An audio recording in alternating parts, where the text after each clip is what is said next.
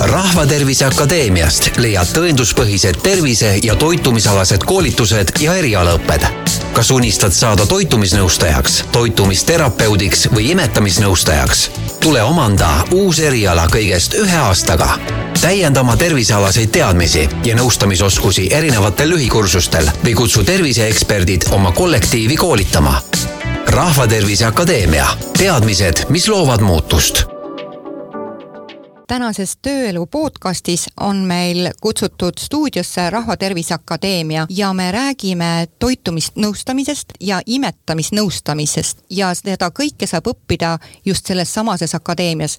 ja täna on meil külalisteks Marge Põldmaa, ämmaemand, imetamisnõustaja ja koolitaja, tere Marge! Tervist! Siret Saarsalu, Rahvatervise asutaja, toitumisterapeut ja koolitaja, tere Siret! tere! ja kolmandaks on meil Kaire Rajaveer, Rahvatervise tegevjuht ja toitumisnõustaja, tere Kaire! tere! mina olen Juuli Nemvalts. mis ettevõte on Rahvaakadeemia ja milliseid kursusi te pakute? rahvatervise Akadeemia on äh, asutatud kahe tuhande kolmeteistkümnendal aastal eesmärgiga pakkuda tõenduspõhist tervisealast äh, haridust. tegemist on täienduskoolitusasutusega, kus me oleme kes-, keskendunud neljale valdkonnale. meie juures on võimalik õppida toitumisnõustajaks, toitumisterapeudiks või siis imetamisnõustajaks. ehk siis põhimõtteliselt äh, ühe kuni kahe aastaga on võimalik äh, omandada endale uus eriala. siis äh, pakume täienduskoolitusi erinevatele tervisevaldkonna spetsialistidele, kas siis õdedele, treeneritele, massööridele, toitumisnõustajatele, lisaks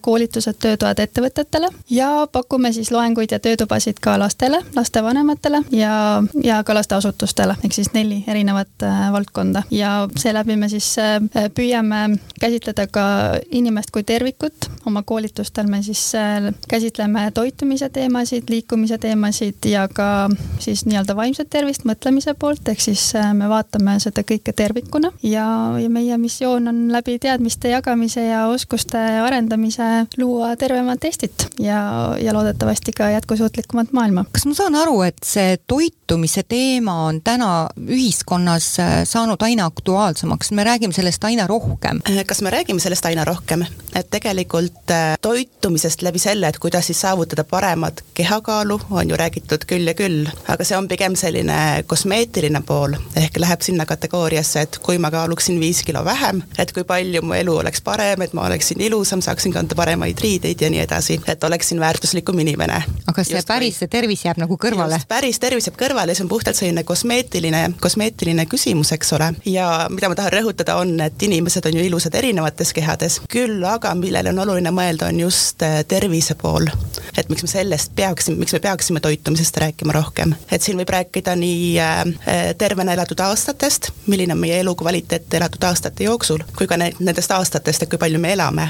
ja siin on siis toitumine oluline ja miks ta on oluline, et siiski on leitud seos, et et äh, kehakaal mõjutab paljuski meie tervist ja praegune statistika selles mõttes on natuke kurjakuulutav, et äh, me teame, et Eestis üks viiendik täiskasvanutest on rasvunud, aga juba lastest, kes lähevad esimesse klassi, üks neljandik on rasvunud ja tüdrukutest ja poistest üks kolmandik. ja kui me mõtleme Euroopa numbritele, siis hiljutine WHO raport näitab et, et viiskümmend üheksa protsenti täiskasvanutest on rasvunud. kõlab väga koledalt. see kõlab päris koledalt ja lastest rääkides, siis need numbrid on sarnased Eestiga, et üks kolmandik siis äh, koolilastest on suurema kehamassiindeksiga. ja miks see siis on oluline, et on leitud, et toitumisest tingitud sellised pikaajalised äh, vead, harjumused, et nendest tuleneb kakskümmend kuus protsenti äh, sellistest enneaegsetest surmadest, et see number on ka päris suur. rohkem kui veerand? rohkem kui veerand, et seda peetakse tegelikult kõige suuremaks surmade no, põhjustajaks siis. kui rääkida toitumisest, siis on selge seos, seos südame-veresoonkonna haigustega, teise tüübi diabeediga, erinevate vähitüüpidega ja miks siis jällegi me peaksime rääkima toitumisest, on see, et see on ju see, mida me reaalselt ise saame ära teha enda tervise heaks. kuidas oma elukvaliteeti tõsta ja kuidas kauem elada. et tooksin välja siin kaks olulist küsimust, et mida endale püstitada, et, et kui palju on aastaid mu elus ja kui palju on elu mu aastates. ja see on see koht, kus sa ise saad toitumisega palju ära teha. ja inimesed ei peaks leppima mingite müütidega, et kui ma olen näiteks juba keskealine, et siis ma ei peakski enam ennast pingutada, sest ma olen vana, eks väga paljud püüavad, et mis on ju, ma ei tea, kustkohast see on tulnud üldse selline kole müüt. absoluutselt, kõik saavad oma tervise jaoks palju ära teha ja siin me ei peagi rääkima meeletust kaalulangusest või äh, elustiili muutusest, vaid juba on tõestatud, et kui äh, viis protsenti või väike osa oma kehakaalust äh, siis kaotada, et see juba, sellel on väga suur tervisemõju. kõlab kuidagi väga positiivselt, et kasvõi see on ju väike samm, see viis protsenti. see on see, mida me kõik saame ära teha. kui nüüd inimesed seisavadki selle murega silmitsi, et nad tahaksid tervislikult toituda, et kas see info on nagu üheselt leitav või arusaadav inimestele või on siiski tohutult palju erinevaid suundumusi või? tõepoolest, infot on väga palju, et meedias äh, erinevatest dieetidest, erinevatest toitudest, mis on sulle hea, mis on sulle kindlasti halb, et seda infot on väga palju ja see on väga vastuoluline ja tavainimesel ongi selles väga keeruline orienteeruda. et sealt tulevad ka, eks ole, paljud sellised äh, müüdid ja paljud ka, palju stigmasid ja palju ka sellist äh, noh, väga tavaline on ju toidu demoniseerimine, et mingid toiduained teatud perioodidel on loe viis ainet, mis on sulle täielikult ei. absoluutselt mm, -hmm. absoluutselt, et õnneks küll on ka toiduaineid, mida me oleme suutnud äh, või mida siis nagu meedia kaastoel on suudetud siis jälle tagasi tuua, just, just, et kartulit täitsa võib süüa, et ei juhtu sellest midagi. Ja aga, aga tõesti, et siin meed-, meedias jookseb läbi ikkagi väga palju infot, palju vastuolulist infot. Ja rõhutan taaskord, et tavainimesel ongi väga raske siis selekteerida seda, et mis on siis, mis on tõene ja mis tegelikult äh, ei oma nii suurt kaalu. aga teie koolis siis, nimetame seda kooliks, seda akadeemiat, on ju ikkagi, te koolitate nagu veel koolitajaid või nõustajaid, aga mitte nüüd ütleme sedasama tavainimest, kes on mures oma kümne kilo pärast või on ka need avalikud kursused või loengud, mida on võimalik siis ka tulla kuulama? jaa, meie pikemad programmid on tõesti äh, spetsialistide koolitamiseks ja on ka palju täienduskoolitusi, mis äh, on suunatud juba spetsialistidele, küll aga Siret tõi enne välja erinevaid tellimuskoolitusi, mida käiakse tegemas äh, ettevõtetes, lasteasutustes, et need on siiski laiapõhjalised ja seal jagatakse just lihtsaid ja praktilisi teadmisi. võib-olla kuulaks teie käest, et millised on need enamlevinud müüdid või, või millega te igapäevaselt kokku puutute või oma koolitustel peate ütlema, et ei, ei, see ei ole nii? no minu lemmik kindlasti on, mida mina olen nagu uksest ja aknast saanud, on, et naised ei tohi süsivesikuid süüa nii, kas võib siis või? no eks me, eks me kõik ikka peaks, võiksime ja peaksime. aga nähtavasti, et kuidas on need süsivesikud saadud või kas puu, et puuvilja võib, aga saia ei tohi või? Või kuidas see jookseb? no eks neid äh, näiteid on erinevaid ja see ekstreemsustase on ka erinev, aga jah, see on väga levinud arusaam, et äh, süsivesikud on midagi, mida peab piirama. loomulikult on erinevaid äh, dieete, mis on siis saanud palju nagu kõlapinda või palju populaarsust, aga millel tegelikult ei ole tõenduspõhisust. aga no mõned on ka... väga karmid ikkagi. kindlasti jaa, ja just eri, nagu väga tavaline on ka toiduainete välistamine. kusagilt on kuulda, et seda kindlasti ei tohi süüa ja siis ikkagi nagu jäetakse menüüst tegelikult ilma igasuguse põhjuseta täiesti tavalised täisväärtuslikud toidud välja, aga Siret oskab kindlasti veel põhjalikumalt seda müüdi poolt avada. ja et kui siin enne sai ka statistikast räägitud, et kui, kui palju on meil siis äh, ülekaalulisi või, või rasvunuid, siis äh, sellele probleemile inimesed ju tihti otsivad ka lahendust ja hakataksegi lugema iseseisvalt äh, erinevaid artikleid, guugeldatakse ja sellega võib natukene kimpu jääda, et satutaksegi siis erinevate müütide või, või valearusaamade otsa, et siinjuures toitumisnõustaja mängibki väga olulist rolli, toitumisnõustaja on saanud väga pikaajalise laiapõhjalise väljaõppe, kes oskab siis lähtuda inimesest individuaalselt, kuna toitumisnõustaja on oma õppe raames saanud teadmisi ka biokeemiast, ainevahetusest, anatoomiast, kõigest muust, ehk siis äh, saab äh, pakkuda just selliseid individuaalseid lahendusi, jagada teadmisi, oskusi, aga mitte ainult. toitumisnõustajaga koos saab siis eesmärgid läbi rääkida, sõnastada, saab läbi mõelda, et miks need eesmärgid selle inimese jaoks on äh, olulised, et mis siis selle inimese selline pikaajaline visioon on, kuhu ta tahab äh, jõuda. ja, võib-olla see eesmärk, mis ta on endale seadnud, on hoopis talle ebatervislik. võib ka nii olla ja sellepärast ongi oluline see spetsialistiga läbi arutada, et mis on siis mõistlikud, realistlikud eesmärgid ja, ja toitumisnõustaja siis omalt poolt äh, saab äh, aidata inimesel üles leida ka oma ressursid, et ta suudaks siis nende eesmärkide suunas liikuda, ta saab inimest jõustada, aidata tagasilöökidega toime tulla ja noh, lõppkokkuvõttes ju tegelikult pannakse selline pikaajalisem tegevusplaan paika, et tõesti mõistlikult liikuda siis oma mis on pikaajaline, kui, mis selle termini taga on? no see nüüd lõppkokkuvõttes otsustatakse siis kliendiga, et äh, mis, mis see kliendi ootus ja vajadus täpsemalt on ja sõltub ka eesmärgist. mõni inimene tõesti tulebki lihtsalt äh, ühekordselt vastuvõtule, ta soovib saada lihtsalt äh, kas siis informatsiooni või tagasisidet oma toitumisele, aga kellel on juba sellised suuremad eesmärgid, siis see koostöö võib olla paar kohtumist, see võib olla pool aastat, mõni inimene käib mitu aastat toitumisnõustaja juures et see on hästi erinev, aga noh, lõppkokkuvõttes me peamegi mõtlema selle peale, et eesmärk ei ole mitte teha selliseid drastilisi kiireid muutusi, kust kipuvadki tagasilangused tekkima, vaid oluline on keskenduda just uute harjumuste loomisele, et need tulemused jääksid tõesti püsima ja et nad oleksid ikkagi tervist toetavad. just, et ma tahan siia juurde täiendada, et tervist toetavaid harjumusi luuakse kogu eluks. et eesmärk on ikkagi äh, leida hea tasakaal, mitte mitte teha lühiajalist dieediprojekti. kui teadlikud on meie elanikkonnas erinevad, ütleme siis vanusegrupiti inimesed, et kas selle tervise, kehakaalu, õige toitumise üle pigem muretsevad nooremad inimesed või on just tulnud ka eakamaid, kes saavad aru, et nad saavad ise midagi oma elus muuta, kus te näete, et mis on juba nagu hästi, millises vanusegrupis ja millises oleks vaja seda teadmist rohkem suurendada? rohkem hakatakse selle peale mõtlema võib-olla siis seal peale kolmekümnendaid, peale neljakümnendaid eluaastaid, kuigi tegelikkuses on oluline ju neid õigeid harjumusi kujundama hakata juba võimalikult äh, varakult, ehk siis äh, laste puhul, et sellepärast äh, me pakume ka siis lastele suunatud erinevaid loenguid ja töötubasid, et võimalikult varakult sellega pihta hakata. esialgu, kui inimene on noor, siis võib endale ju päris palju lubada ja, ja,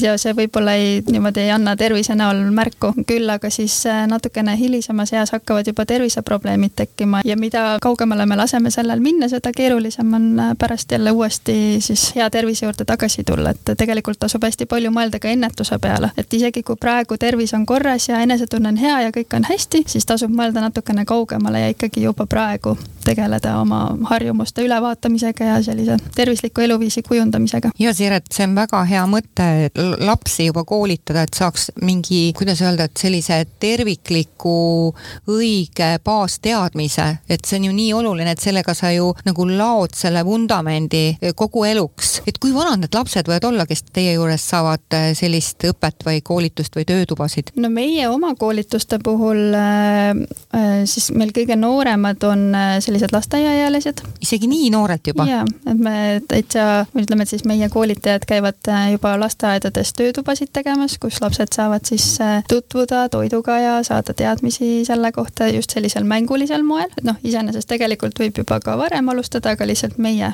oma, oma selliste koolituste töötubadega vist oleme lasteaias olnud kõige väiksemate puhul, aga koolilapsed kindlasti ja sealt edasi siis. siin on vestluses käinud läbi mitu korda selline termin teil, õiged äh, harjumused on olnud selline, mis asi on see õige harjumus, võib-olla mul ei ole üldse olemaski sellist asja, et kas te nagu avaksite seda teemat? lõppkokkuvõttes me ju ikkagi mõtleme selle peale, et mis on see, mis toetab meie tervist, millised on need toiduvalikud, mida võiks teha, et tervist toetada, siin kindlasti tuleb lähtuda ka inimesest individuaalselt, et eh, igal inimesel omad eesmärgid, ainevahetus on erinev, ka sellised liikumisharjumused on erinevad, et vastavalt sellele saab siis läbi rääkida, et millised toiduvalikud just selle inimese jaoks töötavad. noh, laste puhul on muidugi ikkagi sellised täiesti baasteadmised, et kuidas toetada sellist köögiviljade armastuse loomist ja et sööks rohkem marju ja puuvilju ja täisteratooteid, pähkleid, seemneid ja nii edasi. täiskasvanute puhul siis me arvestame ka kõikide muude nüanssidega sinna juurde ja, ja kindlasti oluline on vaadata inimest kui tervikut, et just tulevadki need liikumisharjumused sinna juurde, et no esiteks, et kas inimene liigub piisavalt palju, kas ka siis toiduvalikud toetavad neid liikumisharjumusi. Ka... kui palju see omavahel on seotud või kas, ma kuulen, et on seotud, see toiduvalik? ikka on seotud, et kui me võtame kasvõi sportlased, et sportlased ju ka pööravad või võiksid pöörata oma toitumisele päris suurt tähelepanu, et, et siis toetada kas, kas siis taastumist või siis lihasmassi kasvatamist, keha koostist, kõike muud. ma tean, et, et kuidas me keha vastu võtab toitu, see ju tegelikult muutub elus ju ka seoses vanusega. kui ma näiteks noorena sain palju süüa ja minu kehakaaluga ei juhtunud midagi, siis mida rohkem äh, aastaid tuleb, seda aeglasemaks võib minna see ainevahetus. kas on ka mõnikord teistpidi, et see ainevahetus läheb just kiiremaks? ikka võib-olla. mõnes mõttes me jõuame ka selle toitumisteraapia rolli juurde, et on olemas toitumisnõustajad, kes siis tegelevad pigem sellise tervisliku toitumise soovituste andmisega, toetavad siis tervisesportlasi, et kuidas, kuidas neid toiduvalikuid teha, aitavad võib-olla menüüde koostamisel, toitumisel, toetavad siis kehakaalu korrigeerimisel, aga toitumisterapeut siis on saanud juba oluliselt põhjalikuma väljaõppe ja toitumisterapeut võib äh, siis anda toitumisjuhiseid ka haiguspõhiselt. ja mõnikord ongi, kui inimesel on tekkinud mõni terviseprobleem, mõni haigus, on see siis krooniline või akuutne, et teinekord äh, see toob kaasa muutused ka ainevahetuses või milleski muus ja toitumisterapeut saab siis äh, toitumise poole pealt seda ravi toetada. ja ma saan aru, et need on kaks erinevat koolitust teie koolis ka. üks on nõustaja ja teine on terapeut. ja toitumisnõustaja väljaõpe on nii-öelda esimene tase, et kus saab siis sellised baasteadmised, seal on väga suurt rõhku pandud nõustamisoskustele, siis kõik äh, biokeemia, anatoomia, kõik sellised alusteadmised. ja see kestab kui pikalt, see esimene baaskursus? meie koolis on äh, aastane õpe ja peale toitumisnõustaja väljaõpet, kellel on sügavam huvi selle valdkonna vastu, saab edasi õppida toitumisterapeudiks ja see on nüüd juba oluliselt põhjalikum õpe, see kestab kestab siis meie juures kaks pool aastat, sisaldab muuhulgas ka praktikat. Ja seal siis juba räägitakse ka erinevatest haigustest, milliseid toitumissoovitusi erinevate haiguste puhul anda, ehk siis kuidas sellist nii-öelda nagu toitumisteraapiat siis äh, pakkuda. et see ei tähenda seda, et me läbi toitumise inimesi ravima hakkaksime, küll aga me saame siis äh, ravi toetada läbi õigete toiduvalikute. ja kus kohas need terapeudid ja nõustajad ise tööle siis hakkavad? ma saan aru küll, et teil tuleb seal võib-olla mitukümmend inimest korraga, kui lend lõpetab, aga mis neist edasi saab või kuhu nad siis lähevad, kus, kus see nende põld on? ja siin natukene nüüd sõltub sellest ka, mis inimest äh, ennast kõige rohkem huvitab. kindlasti on võimalus äh, töötada erapraksises, on see siis enda erapraksis või kellegi teise ettevõte, kus saab pakkuda toitumisnõustamise teenust, saab käia lisaks ka koolitamas saab äh, osaleda näiteks menüüde koostamisel, teha koostööd erinevate toitlustusettevõtetega, catering'i firmadega, panna need menüüd siis tasakaalu paika, mõni ongi spetsialiseerunud äh, lasteaiamenüüde korrigeerimisele, koolimenüüde koostamisele. ma saan aru, et see tööpõld on tohutult Tohutu, lai, mille peale üldse mõelda. ja et lisaks äh, põhimõtteliselt on võimalik ka tervishoiuasutuses leida enda koht. siinkohal on äh, muidugi suureks abiks kutsetunnistus, et läbi, läbi kutseeksami siis on võimalik oma neid teadmisi ja oskusi tõendada, et see vastaks igati siis nendele kompetentsidele, mis on vaja. kas teil on ka kutse nagu järkudena või kuidas? ja ongi eraldi toitumisnõustaja kutse ja toitumisterapeudi kutse. ja nendel ei ole seal, et ma ei tea, esimene, teine ja kolmas järk, mitte midagi sellist, aga. no seal on küll jah, tase viis, tase kuus, aga toitumisnõustaja ongi tase viis ja toitumisterapeut on tase kuus. ja need äh, inimesed, kes on siis teie juures selle koolituse läbinud ja peavad pärast seda siis tegema selle kutseeksami või see käib nagu automaatselt veel selle koolituse sisse, et inimesed selle hulgas juba teevad seda? hetkel ta koolituse sisse ei käi, et me kooli lõpetamisel küll enne, kui nad saavad tunnistuse, me igati kontrollime nende teadmisi, nad teevad äh, siis äh, eksami, praktilise töö ja nii edasi, äh, lõputöö, aga kutseeksam on siiski täiesti eraldiseisev. praegusel hetkel Eestis otseselt ei ole seda kohustust, et peaks olema kutsetunnistus, et sisuliselt igaüks põhimõtteliselt võiks töötada toitumisnõustajana. kõlab küll, väga jubedalt. ja küll, aga me peamegi mõtlema selle peale, et, et toitumisnõustaja terapeut tegeleb ikkagi inimese tervisega ja sellega kaasneb päris suur vastutus, et selles suhtes kindlasti see on ikkagi rangelt soovituslik põhjalik väljaõpe läbida. aga kus ka... mina kui klient tulen nõustamisele tean, et temal on üldse see tunnistus olemas. jah, et ma tahtsingi just öelda, et äh, ma klientidel kindlasti soovitan ennast äh, selle spetsialisti taustaga kurssi viia, et kas, äh, kas ta on mingi väljaõppe saanud ja kas tal on ka kutsetunnistus olemas. kas see on mingi seda... andmebaas, kus ma saan vaadata või kuidas? ja kutsetunnistuste kohta saab infot Kutsekoja leheküljelt, seal on nimekiri siis üle, üleval nendest inimestest, kellel on kutsetunnistus ja lisaks tasub vaadata ka erialaseltside kodulehekülgesid, et on toitumisnõustajate ühendus, kus on on siis väljaõppega spetsialistid olemas, koondunud siis ja ka toitumis, Eesti Toitumisteraapia Assotsiatsioon näiteks. ja neid erialaühinguid on teisigi veel, Kliinilise Toitmise Selts ja nii edasi, et, et saab natukene taustauuringut teha ja seda iseenesest kindlasti võiks jälgida, et inimene oleks väljaõppega, et me tahame ikkagi minna pädeva spetsialisti juurde, keda saab usaldada. kuidas teie praktika kinnitab, et kui kerge on inimestel oma harjumusi või käitumist, ma ei tea, näiteks ostukäitumist muuta selleks, et tõesti liikuda siis selle tervislikuma elu juurde? no ma ütleks, et tänapäeva kiire elutempo juures on see paras väljakutse, et just äh, tekib äh, ajaprobleem ja, ja siinjuures ongi võib-olla abiks see, kui siis mõne inimesega, näiteks toitumisnõustajaga läbi rääkida oma ootused, eesmärgid, panna see tegevusplaan paika ja mõelda läbi ka see pool, et kuidas ma seda siis teostama hakkan, kust ma leian selleks aega, millised mu prioriteedid on ja nii edasi. millal see tuleb, miks see tuleb üldse vajadus, et kas ma leian aega, et see tähendab, et inimene peaks nagu rohkem ise toitu valmistama, et ta ei osta nagu valmis toitu või? siin tuleb lihtsalt arvestada sellega, et, et nende uute harjumuste loomine on äh, väga pikaajaline protsess. et kui me kujutame piltlikult ette näiteks ühte põllulappi, kuhu on sisse kõnnitud käigurada ja kui me tahame nüüd sinna kõrvale sisse kõndida uue käiguraja, siis me peame ikkagi ju väga pika aja vältel korduvalt ja korduvalt seda uut rada sisse kõndima. samamoodi on ka uute harjumuste loomisega, et me peame väga järjepidevalt tegelema sellega, et need uued harjumused äh, tekiksid ja jääksid ka püsima, sest üldiselt tahetaksegi selliseid kiireid muutusi, et tihtilugu me näeme seda aasta alguses, kus võetakse ette, et nii, nüüd ma olen tubli, hakkan trennis käima, tervislikult sööma, aga väga tihti see kestabki kaks nädalat, võib-olla kuu aega ja siis see kipub käest libisema. Ja tihti see probleem on see, et võetakse ette liiga suur suur amps korraga ja siis äh, see kasvabki tihtilugu üle pea, motivatsioon kipub ära kaduma ja see jääb sinna paika. aga lõppkokkuvõttes me tahame ju ikkagi muutusi saavutada, mis jäävad püsima, mis toetavad tervist ja see on pikaajaline protsess. ja ma tahaksin kasutada edasi Sireti toodud metafoori põllulapi kohta ja toitumisnõustaja või toitumisterapeudi rolli siis selles, et tegelikult nõustaja roll ongi, eks ole, tegelikult selle lapiga tutvust teha ja vaadata, kuhu ja kuidas seda raha, rada sisse võiks kõndida koos kliendiga, sest need põllulapid erinevatel inimestel inimestel on erinevad, ehk ei ole nii, et üks lahendus sobib kõigile, vaid väga hästi tuleb aru saada, et mis on, milline on see kliendi päev,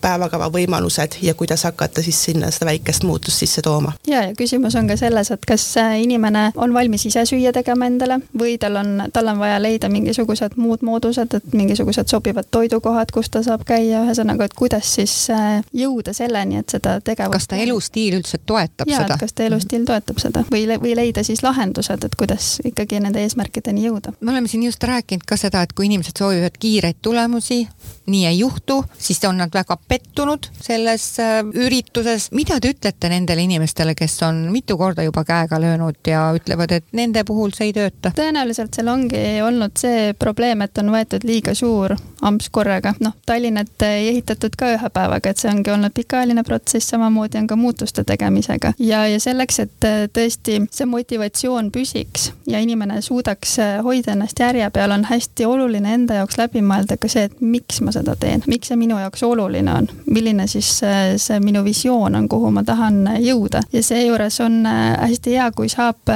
siis regulaarselt näiteks toitumisnõustajaga siis suhelda, kontaktis olla, käia vastu vastuvõttudel, kuna toitumisnõustaja on saanud ju ka väljaõppe nõustamisoskuste osas, toitumisnõustaja oskabki kuulata, peegeldada, küsida õigeid küsimusi, toetada, leida üles inimese ressursid, ehk siis ta aitab hoida seda motivatsiooni. üksinda võibki keeruliseks minna. ja kuskohast ma leian selle toitumisnõustaja siis, ma tean seda, et ma peaksin kontrollima seda, et kas tal on ka vastav väljaõpe, aga kus ma esmaselt selle inimese üldse kohtun temaga või valikuid tegema, keda, keda kelle juurde minna? kindlasti leiab hea pädeva toitumisnõustaja Eesti Toitumisnõustajate Ühingust, kus on siis üle Eesti erinevad toitumisnõustajad kokku koondunud seal saab ka nende inimeste taustaga tutvuda ja loomulikult äh, võib uurida ka oma sõprade-tuttavate käest, et kas keegi on käinud juba mõne nõustaja juures, saab võib-olla mõne hea soovituse. me oleme nüüd rääkinud küll sellest õppest, õppest, aga kes üldse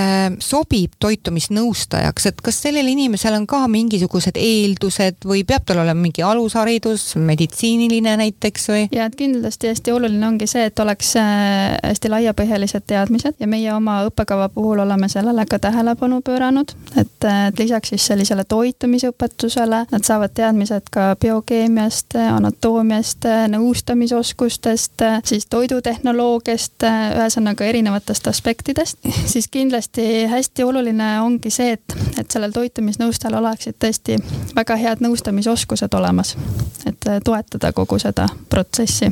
et nõu-, toitumisnõustaja roll ei ole mitte, mitte lihtsalt infot jagada ja inimest koolitada, õpetada, vaid ikkagi ka toetada igatepidi, ehk siis rakendada neid nõustamistehnikaid.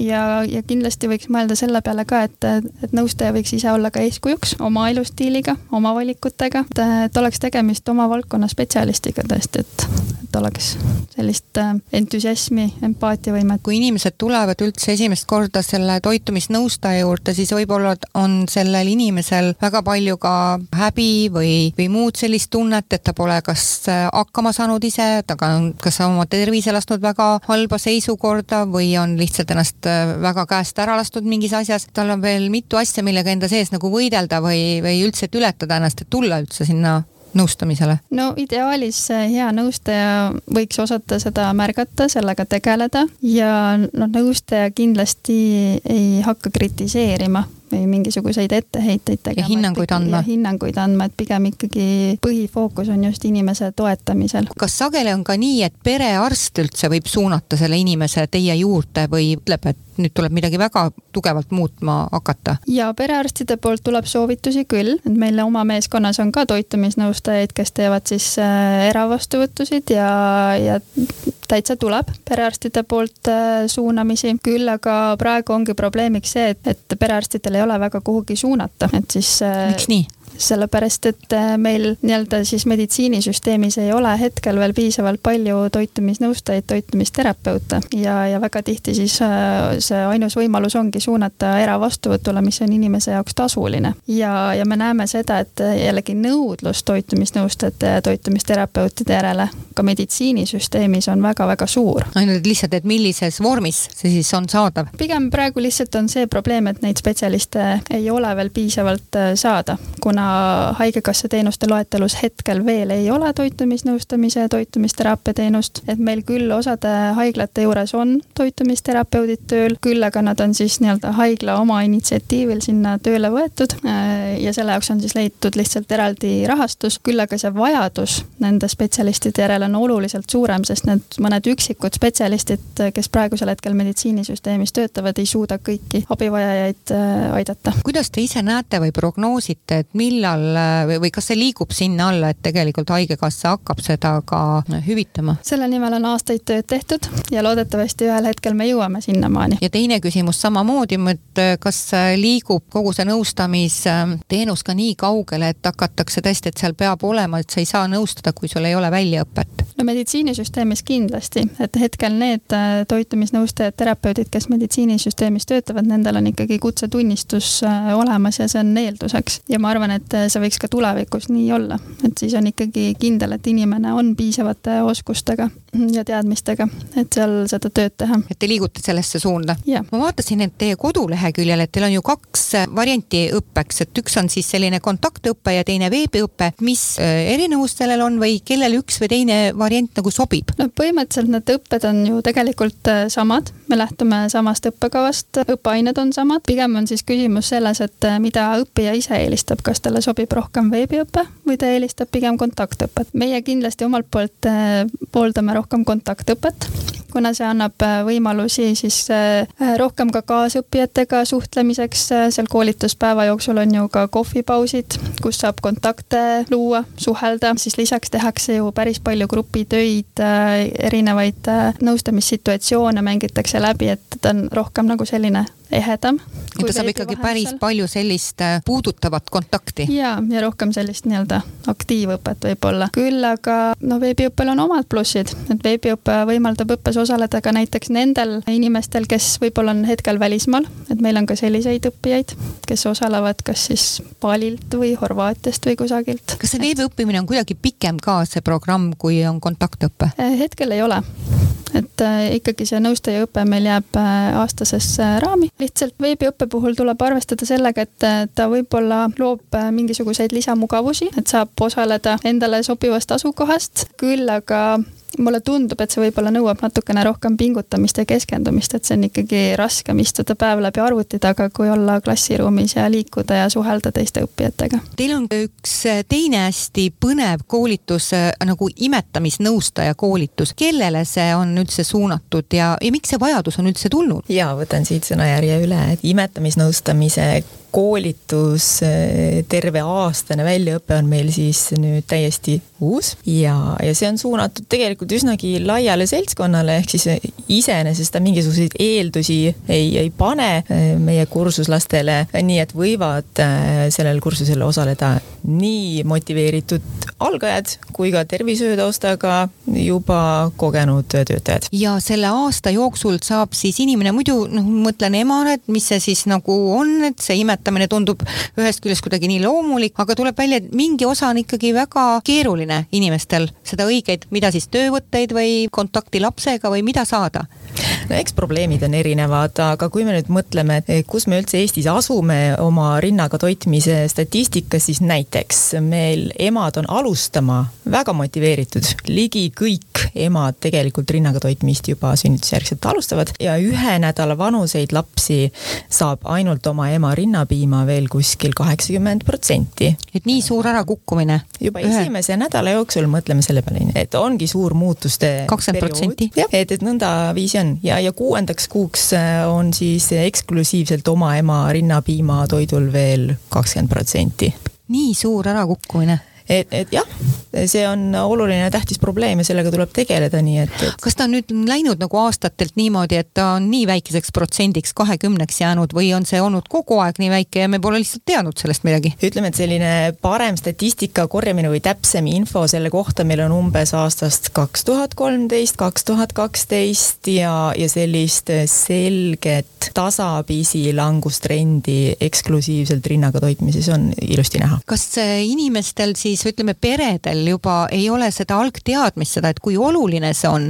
Või on emad jälle sellise surve all, elus on nii palju muid ülesandeid ja see rinnaga toitmine lihtsalt enam ei mahu sinna või, või kus see siis, kus see ärakukkumine toimub kõige rohkem? no küllap see on selline multifaktoriaalne jällegi, et mitmed asjad mõjutavad, esiteks eelteadmised, kas üleüldse on suhtumine ja ootused ja eelnevad teadmised imetamist soodustavad, et kas ema üleüldse peab seda oluliseks, et tema või tema laps saaks siis tema enda rinnapiima. aga mitte ainult tema enda sisemised teemad ei mõjuta seda, vaid ka kõik, mis teda ümbritseb, ehk siis lähedased inimesed, kui nendel näiteks ei ole soodustavat sellist eh, suhtumist, eh, siis, eh, siis ema kahtlemata mõjutab, eriti selles õrnas, õrnas perioodis, mis äsja lapsevanemaks saanud pere ju on. palju meil Eestis on praegult selliseid õppinud imetamisnõustajaid? see on hea küsimus, kui ma mõtlesin selle küsimuse peale, siis, siis jõudsin umbes selliste numbriteni, et üleüldse Eestis meil on tõenäoliselt selline sada viiskümmend, kakssada imetamisnõustajat. konkreetseid numbreid saan veel tuua näiteks, et meil on kolm rahvusvaheliselt sertifitseeritud imetamisnõustajat.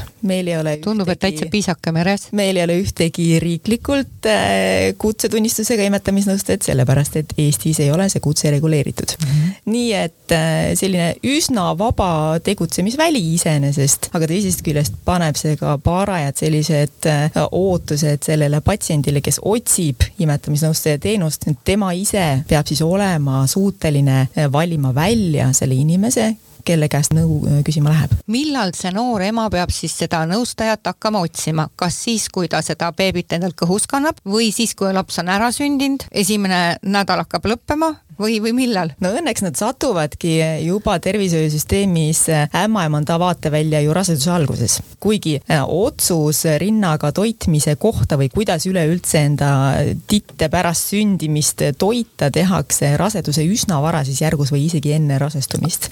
tõesti või? see, see otsus tõenäoliselt tegelikult emal on juba ennetavalt olemas, nii et meil on siis veel nelikümmend nädalat rasedust, et tema otsust vajadusel soodsas suunas äh, toetada. ütleme korra üle ka, et miks see on oluline lapse jaoks, et ema, kui pikalt siis vähemalt võiks äh, toita lasta rinnaga, te ütlete juurde veel eksklusiivselt. eksklusiivselt ehk üksnes rinnapiimaga, et inglise keeles ongi exclusive breastfeeding, et, et üksnes ema rinnapiimaga peaks siis lapsi toitma kuus esimest elukuud, sealt edasi tuleks siis jätkata rinnaga toitmist koos eakohase lisatoiduga, niikaua kui emale, lapsele, mõlemale sobib, kaks-kolm aastat. tõesti nii? tõesti nii. kui nüüd need inimesed on lõpetanud teie kursuse, ma saan aru, aastase väljaõppe, siis kus kohta nad jäävad siis oma teadmisega nüüd või seda teadmist pakkuma, kas nad on nüüd sünnitusmaja juures või on seal perearstikeskuses või kus neid üles leiab? no neid teadmisi on absoluutselt igal pool ju, ju vaja kõigil tervishoiutöötajatel ja teistel inimestel, kes puutuvad lapsekandmiseas peredega kokku üleüldse. aga olenevalt siis õppuri taustast ja, ja enda soovidest ka, et nad võivad siirduda nii nii tervishoiusüsteemi, sest et tervishoiuasutustel teatavasti on enda vaba valik, keda nemad värbavad, et nii-öelda tugispetsialist ei pruugi olla ka tervishoiutaustaga iseenesest, nagu me siin toitumisterapeutide kohta näiteks kuulsime, et nendel ei pruugi olla siis eelnevalt õe, arsti ja ämmaemanda haridust. et ka imetamisnõustamise väljaõpet läbides tegelikult see teadmiste pagas on äh, piisavalt lai, et seda teenust osutada. aga väga paljud imetamisnõustajad hetkel pakuvad teenust ka ka nii-öelda äh, eraettevõtjana ja ka see on täiesti arvestatav variant ja tervitatav variant. ma olen kuulnud ka, et mõned sünnitoetajad on ka selline kombo, et on ka imetamisnõustaja või et need kuidagimoodi inimesed, kes hakkavad sellel, kui beebi ja emaga ütleme oma tööalaselt tegelema, et nad leiavad endale kuidagi selliseid kaasavaid või kaasuvaid teemasid juurde, et on see nii või, või on see ainult erandid, kes niimoodi on olnud? no rinnaga toitmise õpetas, õpetus või imetamine nõustamisnõustamise õpetus on ju mingil ähm, tasemel väga paljude erialade õppesse integreeritud. väga palju saab seda õpet ämmaemand, noored tohtrid, äh, nendel on võimalus siis üks äh, valikaine selle kohta ka läbida. toulade äh, õppekavas tõepoolest on ka imetamisnõustamine ilusti sees, nii et jah. mida te ütlete täna, Marge, nendele noortele emadele või nendele noortele naistele, kes alles ähm, hakkavad oma peret planeerima, et miks üldse nagu võtta seda endal südameasjaks, et oma last rinnaga toita? no imetamine ei ole ainult äh, rinnapiima panemine lapse sisse nii-öelda kasvatamise eesmärgil, et ta ikka kosuks meil suureks ja ilusaks ja kohevaks. see tegelikult on palju enamat, see on lapse ja, ja ema vaheline side. sellega sa saad anda sellise baasturvalisuse enda beebile. esimesed kolm eluaastat ei ole mitte lihtsalt niisama eh, siin meil ka emadel võimalus oma lapsega kodus olla, vaid see on aeg, eh, mil me saame mõjutada tervet tema tulevast elu. meil hakkab saateaeg otsa saama saama, et kas teil on meil mingi mõte või üleskutse inimestele öelda? Lõpetuseks? ma ütleksin seda, et neil, kel äh, tekkis nüüd äh, huvi ja soov äh, tervisevaldkonnas midagi ära teha, selleks on hea võimalus, juba augustis alustavad meil uued väljaõpped, et saab tulla õppima nii toitumisnõustajaks kui imetamisnõustajaks. nagu kuulsime, tööpõld on lai ja palju on ära teha. Nende heade mõtetega me tänaseks lõpetame ja Rahva Tervise Akadeemiast oli meil täna rääkimas Marge Põldmaa, ämmaemand imetamisnõustaja, Siret Saarsalu, Rahva Tervise Kooli asutaja, toitumisterapeut ja koolitaja ja Kaire Rajaveer, kes on rahvatervise tegevjuht ja toitumisnõustaja. mina olen saatejuht Juuli Nemvalts.